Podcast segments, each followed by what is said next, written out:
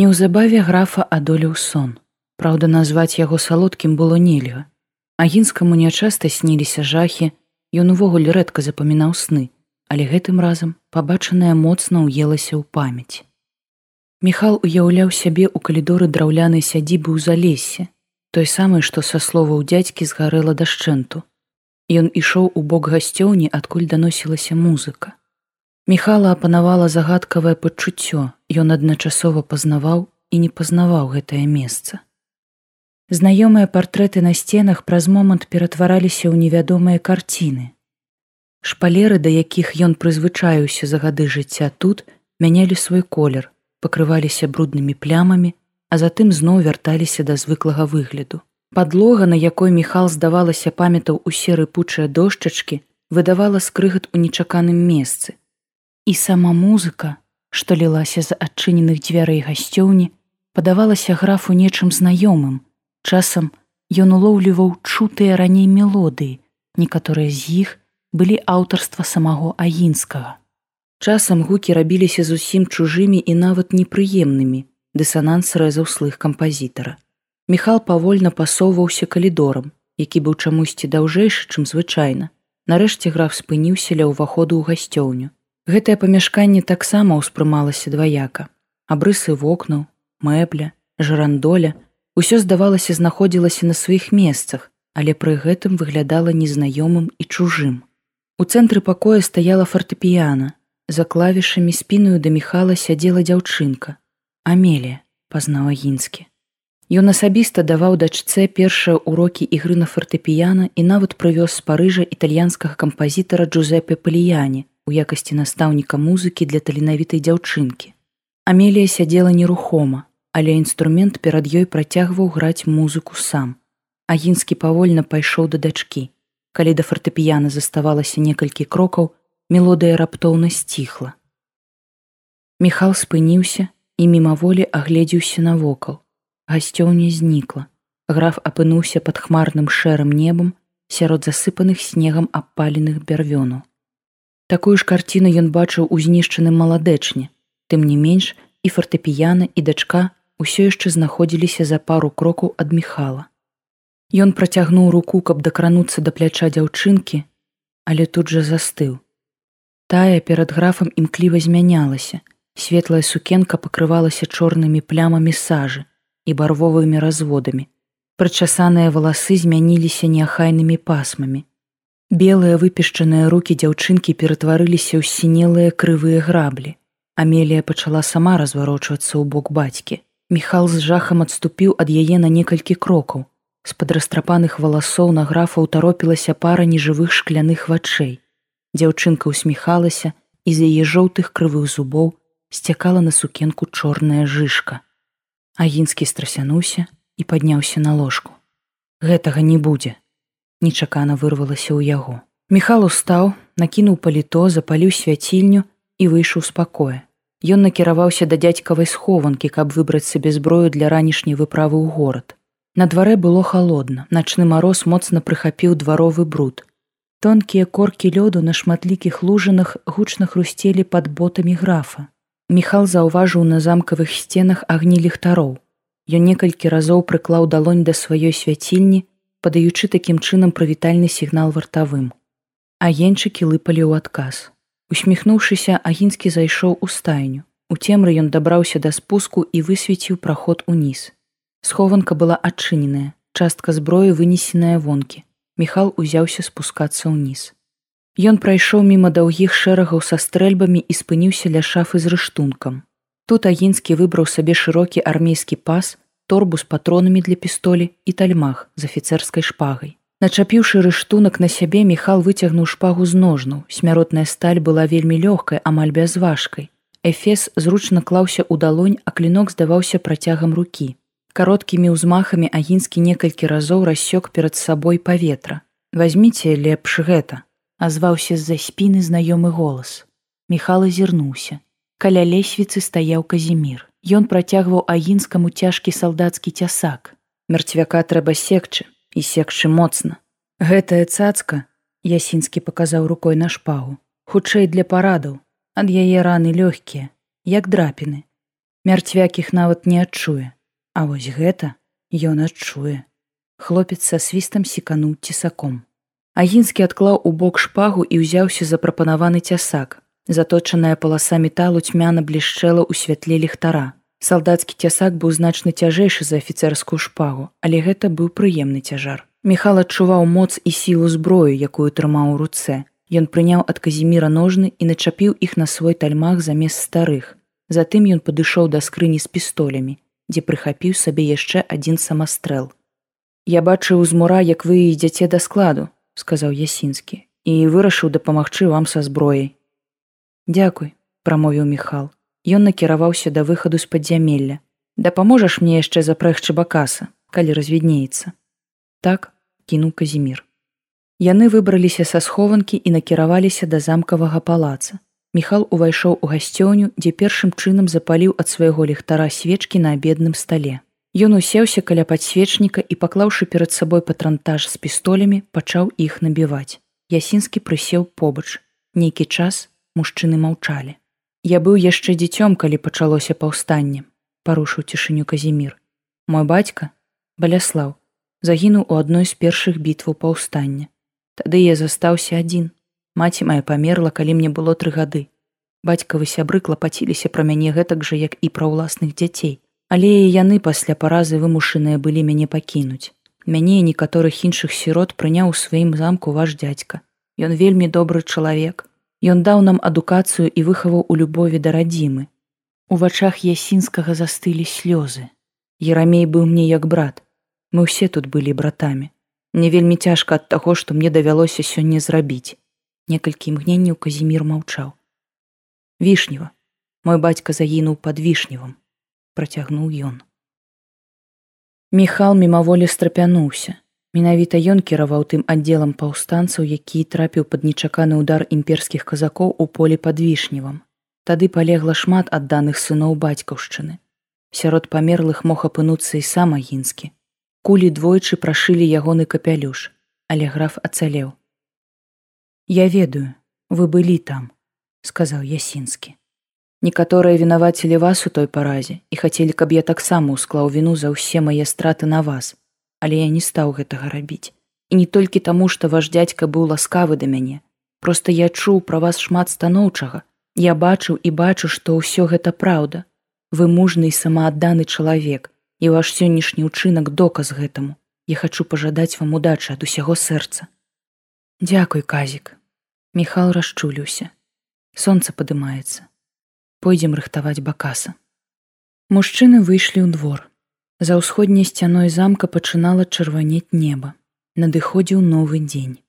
Міхал з казімірам пайшлі ў стайню і пабудзілі бакаса. Ясінскі дапамог агінскаму забрацца на каня і праводзіў вершніка да замкавай брамы. З муроў іх прывіталі вартавыя.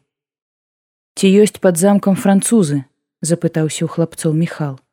Няма, адгукнуўся нехта з вышыні, але ў полі іх шмат.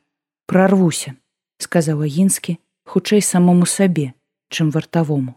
Казімір адчыніў цяжкую створку і адпусціў аброць. Міхал выехаў з замка. За спінай рыпнулі завесы, пакінуўшы агінскага сам насам з перадсвітальнаю цішынёй. Граф пастаяў імгненне, узіраючыся ў наваколле. Дарога перад ім была пустая, але ў смузе, што сцялілася над палямі, віднеліся змазаныя сілуэты хадзячых мерцвякоў. Міхал, узяўшы ў правую руку пістолю, пусціў каня наперад. Хлопцы на браме выставілі свае стрэльбы і суправаджалі рулямі перамяшчэння агінскага аж да вялейскага гасцінца, гатовыя кожную хвілю адкрыць агонь па мерцвяках, якія падабраліся занадта блізка да вершніка. Але французы мала рэагавалі на графа. Пасля ночы іхныя рухі былі соннымі, а перамяшчэнне павольным, Міхал здагадаўся, што гэта мароз такім чынам уплывае на мёртвую плоть. Зразумеў ён і тое, што як толькі надыдзе дзённая цеплыня, да французаў вернецца іх неймаверная жвавасць. Міхал вырашыў паскорыць каня. Зямля прамерзла з ночы, таму конь ішоў шпарка. Неўзабаве паабапал дарогі паказаліся першыя спаленыя хаты мястэчка. У сэрцы Міхала яшчэ быў жывы спадзеў на тое, што ўсё абышлося, Манахі самастойна выявілі пагрозу і выратавалі людзей у кляштары. Але чым далей агінскі ўязджаў у маладэчна, тым меней ён верыў у станоўчы зыход справы. Мёртвае мястэчка наводзіла на графа смутак і аднаўляла боль, на які ён хацеў бы забыцца. Неўзабаве з ранішняй імгі паказаўся кляштар. Каменны будынак адзінокую выспай узвышаўся над разбураным паселішчам. Міхал пад'ехаў да брамы, спыніў каня і агледзеўся. Недалёка два французы корпаліся на папялішчы спаленай хаты. Сонце блішчэла прамянямі ў алавянных гузіках іх вайсковых мундзіраў. На шчасце мерцвякі пакуль не звярталі на агінскага ўвагі. Міхал спусціўся на зямлю, наблізіўся да дзвярэй і пацягнуў задушку. Дзверы былі замкнёныя. Міхал асцярожна пастукаў. Ён хацеў гучна гукнуць каго-небудзь, але баяўся звярнуць увагу французаў. Надзея зноў абудзілася ў душы агінскага значыць звонку ніхто з мёртвых у кляштар не пранікаў. Раптам да міхалава вуха даляцеў гук удару дрэва аб дрэва, нібы пляская конная рама, агінскі азірнуўся. Гук ішоў з боку ўсходняй сцяны камяніцы, на які выходзілі вокны келлю. Міхал прыслухаўся. Удар паўтарыўся. Узняўшы пістолю, агінскі накіраваўся дарогу кляштара.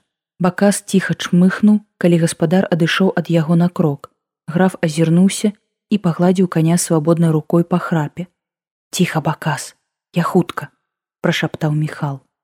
Адышоўшы ад дзвярэй ён зазірнуў за рог. Усе вокны першага паверха былі забраныя ў аканіцы, акрамя аднаго. Міхал заўважыў, як у самым канцы мура гайдаецца нібы на вятры драўляная рама.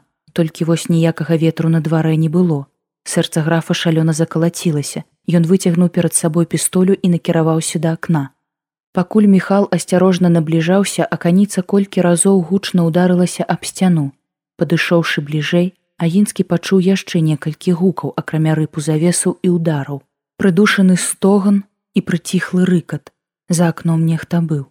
Міхал сціснуў пістолю дзвюма рукамі і зрабіў вялікі крок у бок, каб стаць насупраць аконнага праёму. Тое, што ён пабачыў, канчаткова разбурыла ўсе ягоныя надзеі. У вузкім прамежку паміж прутамі чыгунных кратаў захрас чалавек.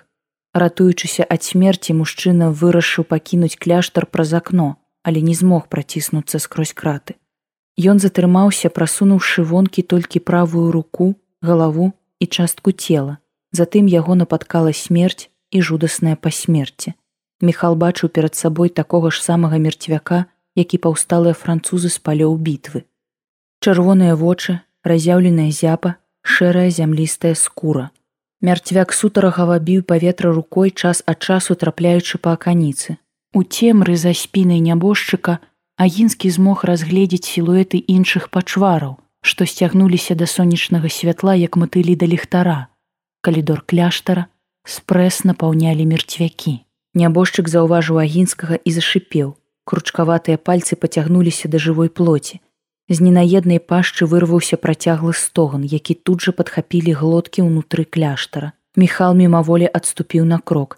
Ён цэліў у захраслага ў кратах мерцвяка, але не спяшаўся націскаць на спуск. Скажоныя смерцю рысы твару пачвары падаліся агінскаму знаёмымі. Ён угледзеўся. Перад ім быў той самы манах, які правёў графа ў кляштар мінулым разам. Граф апусціў зброю. Ягонае сэрца сцялася ад жалю і крыўды. Агінскі дакараў сябе за тое, што не змог нікога папярэдзіць і выратаваць. Уяўленне малявала яму страшныя карціны таго, што адбывалася ў кляштары ўночы. Міхал развярнуўся, каб ісці да каня і заўважыў цень збоку. З-за будынка на граф выбягаў французскі жаўнер. Агінскі адрэагаваў імгненна. Ён узняў пістолю і амаль не цэлячыся разрадзіў яе ў мерцвяка. Грук ад стрэлу скалануў мёртвую цішыню разбуранага мястэчка. Куля зваліла пачвару з ног. Лежачы на зямлі мярцвяк сіпеў і сукаў нагамі. Міхал заткнуў пістолю запас, дастаў з ножнаў цясак і зрабіў крок да падбітага француза. Патрывожаныя стрэлам пачвары з кляштара загыркалі глухімі галасамі. Скора тут будуць усе мерцвякі маладэчна, падумаў агінскі. Ён падышоў бліжэй да француза. Ад таго смярдзела тухлым мясам, у ноздры біў пах разлажэння. На твары пачвары захаваліся сляды нядаўняй трапезы, Вусны шчокі і нават шыя былі чорнымі ад засохлай крыві. Міхал стаў над жаўнерам, дзвюма рукамі ўзяўся за цясак і з усяе моцы апусціў яго на галаву нябожчыка. Чэрап мерцвяка з хрустам разламаўся на дзве паловы, выплюхнуўшы вонкі шэрую кашыцу мозгу. Агінскі выцер клінок аб шынель забітага і агледзеўся. З руінаў да кляштара набліжаліся мерцвякі. Пакуль іх было няшмат, з паўтузі на пачвару, але Міхал здагадваўся, што гэта далёка не ўсе нябожчыкі наваколля. Трэба хутчэй адсюль сыходзіць, сказаў граф сам сабе. Раптам ад брамы пачулася конскае ржанне. Міхал кінуўся на гук, забег за рог будынка і пабачыў, што да бакаса з боку дарогі павольна падыходзіць пара мерцвякоў. Спуджаная жывёлі накруцілася на месцы, нібыта вырашаючы ці збегчы адсюль або чакаць гаспадара далей. Міхал не стаў прыпыняцца і з разбегу секануць і саком аднаго з жаўнераў. Удар адхапіў французу левую руку. Развярнуўшыся міхал па цэлю другому мерцвяку ў шыю. Цясак лёгка прайшоў скрозь цела і з хрустам ператнуў хрыбетнік. Галава мерцвяка павалілася на зямлю. Першы жаўнер цэлай рукой паспрабаваў учапіцца за паліто агінскага, але міхал ударам нагі паваліў яго ў гразь. Паставіўшы бот на спіну пачвары, Граф шырока замахнуўся, каб нанесці канчатковы удар. Цяжкі метал без перашкоду увайшоў у мёртвую плоть. Міхал стаяў над знішчаную пачварай і цяжка дыхаў. Гэтая кароткая бойка далася яму цяжка. Граф даўно ўжо не быў тым маладым хлапцом, што змагаўся з імперскімі войскамі ў часы паўстання. Грукатала з сэрца, гарэлі ад бегу лёгкія, свярбелі цягліцы правай рукі. Цясак хоць і надзвычай дзейсная зброя супраць мерцвякоў, але яго цяжар даваўся ў знакі. Нягледзячы на гэта, апантанае сэрца агінскага прагнула працягу бітвы. Міхал паглядзеў на два паскубаныя целы пад сваімі нагамі, глыбока ўздыхнуў і развярнуўся, каб ісці да каня. Но бакас наперад! крыкнуў агінскі, забраўшыся ў сядло. У гэты момант за сцяны кляштара выбег яшчэ адзін мярцвяк, гэтым разам не француз, а былы местачковец, укушаны жаўнерам. Ён запаволіўся і стаў на дарозе, перагарадзіўшы вершніку дарогу ад кляштара. Чырвоныя зенкі памерлага утаропіліся ў міхала. Бакас заржаў, але знайшоў сабе сілы пайсці на пачвару. Наперад паўтарыў агінскі і перакінуў цясак у левую руку. Мярцвяк зрушыўся з месца. Коннік і нябожчык імкліва збліжаліся. Міхал моцна ўхапіўся правай рукой за лейцы, а левай сціснуў эфес, але ўсё роўна ў момант удару яго ледь не выкінула з сядла. Цяжкі клінок, сутыкнуўшыся з цёмную плоццю, адкінуў мерцвяка ў бок і пакінуў на ягоных грудях велічэзную рваную рану. Граф з цяжкасцю, утрымліваючы раўнавагу, азірнуўся. Мярцвяк паваліўся крывавым рыззём на зямлю і пакуль не рабіў спробы падняцца. Бакас ляцеў далей. На дварэ значна пацяплела. Вясновае сонца, узняўшыся над зямлёй грэла напоўніцу. Пад яго гарачымі прамянямі хутка раставаў дарожны бруд. Нягледзячы на гэта, Міхал падганяў коня. У сэрцы агінскага нараджалася нядобрае прадчуванне. З моманту, як ён выехаў з замка мінула не болей за тры гадзіны, але граф хваляваўся, каб за гэты час там не здарылася чаго страшнага. Конь імклівым скокам выбіраўся з разбуранага мястэчка, Некалькі пар мёртвых вачэй праводзілі яго позіркамі. Некалькі пар гнілых ног кінуліся ў пагоню. Але бакас быў занадта хуткі для іх. Краем вока Міхал заўважыў цёмныя фігуры, што выбеглі з развалін на ўздагон яму.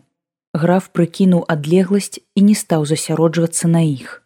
Ён імкнуўся хутчэй апынуцца ў замку. Памеры набліжэння агінскаму пачало здавацца, што за грукатам капытоў каня за гулкімі ударамі сэрца За гучным дыханнем ён чуе яшчэ адзін рытмічны гук, гук стрэлаў. Міхал не збіраўся спыняць бакаса, каб прыслухацца. Ён толькі мацней сціснуў бакі каня нагамі і прыкрыкнуў: хутчэй бакас, хутчэй. Калі ў далечыні паказаўся замак, Міхал зразумеў, што грук ад стрэлаў не здаваўся яму. На браме і на каменных мурах перыядычна шугалі выбліскі. У неба над замкам уздымаліся воблачкі парахавога дыму, ішла бязлітасная бітва. Агінскі спыніў каня пасярод вялейскага гасцінца за паўверсты ад брамы. З гэтай адлегласці графу было добра бачна ўсё, што адбывалася пад замкавымі мурамі. І сам ён пры гэтым знаходзіўся ў адноснай бяспецы. Тое, што ён пабачыў, моцна ўразіла яго. Агромністы натоўп мерцвякоў узяў замак у аблогу. Сотні фігур кешкаліся пад мурамі. Здавалася, што тут сабраліся ўсе памерлыя жаўнеры з навакольных палёў. нібы воды ўзбуранага мора мерцвякі напіралі на замшэлыя камяні муроў, лезлі адзін на аднаго, каб толькі дацягнуцца да свежага чалавечага мяса. Людзі гыркалі ў адказ агнём стрэльбаў, але натоўп працягваў націск, не зважаючы на раненні і страты. Гэта ж я іх прыцягну. Страшная здагадка прыйшла ў міхалаву галаву. Дурань развярэдзіў асінае гняздо сваю выправую мястэчка. Граф злосна стукнуў кулаком па сядле. Трэба было нешта рабіць. Міхал выцягнуў з запаса адну з пістоляў і ўзяўся яе набіваць. Пакуль руки былі занятыя гэтай механічнай справай, граф лихаманкава перабіраў варыянты далейшых дзеянняў. Душа імкнулася ўварвацца са зброяй у натоўп, прарубіць сабе шлях да брамы, каб апынуцца побач з абаронцамі замка і разам з хлопцамі адбіваць напады мерцвякоў. Агінскі разумеў, што гэты парыў раўназначны самагубству. Адзінцом ён нічым дапамагчы дзядзьку не зможа. Трэба было шукаць дапамогі ў іншым месцы. Міхал прыгадаў, што яшчэ перад выездам з петербурга нехта са знаёмых афіцэраў казаў яму, што недалёка ад маладэчна ў вёсцы красная месціцца невялікі вайсковы гарнізон. Тылавы батальён запалчэнцаў і ветэранаў, якія вярнуліся ў войска пасля раненняў. Магчыма, іх камандзір выслухае імператарскага сенатара і вылучыць яму атрад у дапамогу. Агінскі вырашыў скакаць у краснае, Набіўшы пістолі, ён развярнуў каня назад на маладэчна і азірнуўся. Над полем павісла дымная завеса. Стракатанне стрэлаў не змаўкала ні на хвіліну. Міхал разумеў, што хутка па чварам замак не ўзяць. Каменныя муры могуць доўга стрымліваць мёртвую плоть, ды і мерцвякі пры ўсёй іх моцы і жвавасці тактычнай думкі былі пазбаўленыя начыста. Яны былі здольныя толькі на грубую і проста лінейную сілу, але ж у адрозненні ад абаронцаў нябожчыкі не адчувалі стомы і маглі бясконца доўга не змяншаць націску. Замшэлыя муры далёка не такія трывалыя, як раней. Наўрад ці здольныя гэтак жа бясконца стрымліваць гэты ціск. Ды і пэўне ж, нешматлікія дзядзькавы памагатыя не змаглі цалкам выявіць усе слабыя месцы ў замкавай абароне. Міне час, і пэўны кавалак мура альбо вежы не вытрымае грубага напору мерцвячай сілы. Смяротная плынь імгненна праглыне замак, і яго насельнікаў. Агінскі ні ў якім разе не хацеў гэтага дапусціць. Міхал ударыў каня ў бакі і рушыў з месца. Дарога зноў павяла яго праз спаленае мястэчка. Калі сярод руінаў замаячылі постаці мерцвякоў, Агінскі ўзяў у правую руку адну з пістоляў, гатовы адбіць любы напад. Французы не прамінулі яго здзейсніць. На адной з вуліц на пярэймы вершніку выбег мёртвы жаўнер. Міхал, не прыпыняючы каня, пранёсся міма. У тое кароткае імгненне, калі конь параўняўся з французам, граф накіраваў пістолю і пацягнуў за спускавую дужку. Куля раздрабіла мерцвяку сківіцу і прайшла ў глыб чэрапа. Дробныя кропелькі крыві разляцеліся ў паветры вакол галавы нябожчыка. Француз мехам паваліўся ў прыдарожны бруд.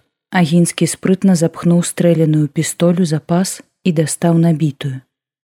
Граф хутка мінуў руіны маладэчна, але на выездзе з мястэчка за ім увязалася пагоня. Пяцёра мерцвякоў, што бадзяліся ў двары адной з разбураных гаспадарак, пабачыўшы вершніка сарваліся з месцаў і пабеглі следам. Міхал азірнуўся і на ўздагад разрадзіў пістолю пачвараў. Гэтым разам не вельмі ўдала. Куля прабіла жывот аднаму з французаў, але мерцвяк гэтага нават не заўважыў і не спыніў бегу. Выехаўшы на гасцінец бакас змог паскорыцца, таму пераследнікі пачалі паступова адставаць. Хутка іх сілуэты растварыліся ў дарожнай імзе за спінай агінскага. Адарваўшыся ад пагоні, Міхал змог перавесці дух. Ён прыструніў каня, бо адчуваў, што сілы пакідаюць старога бакаса. Храпа жывёлы была ў пене, а скура мылілася ад поту. Бакас дыхаў часта і з хрыпам. Агінскі патрапаў каня за вухам. Дякуй родны, выбраліся. выдохнуў граф.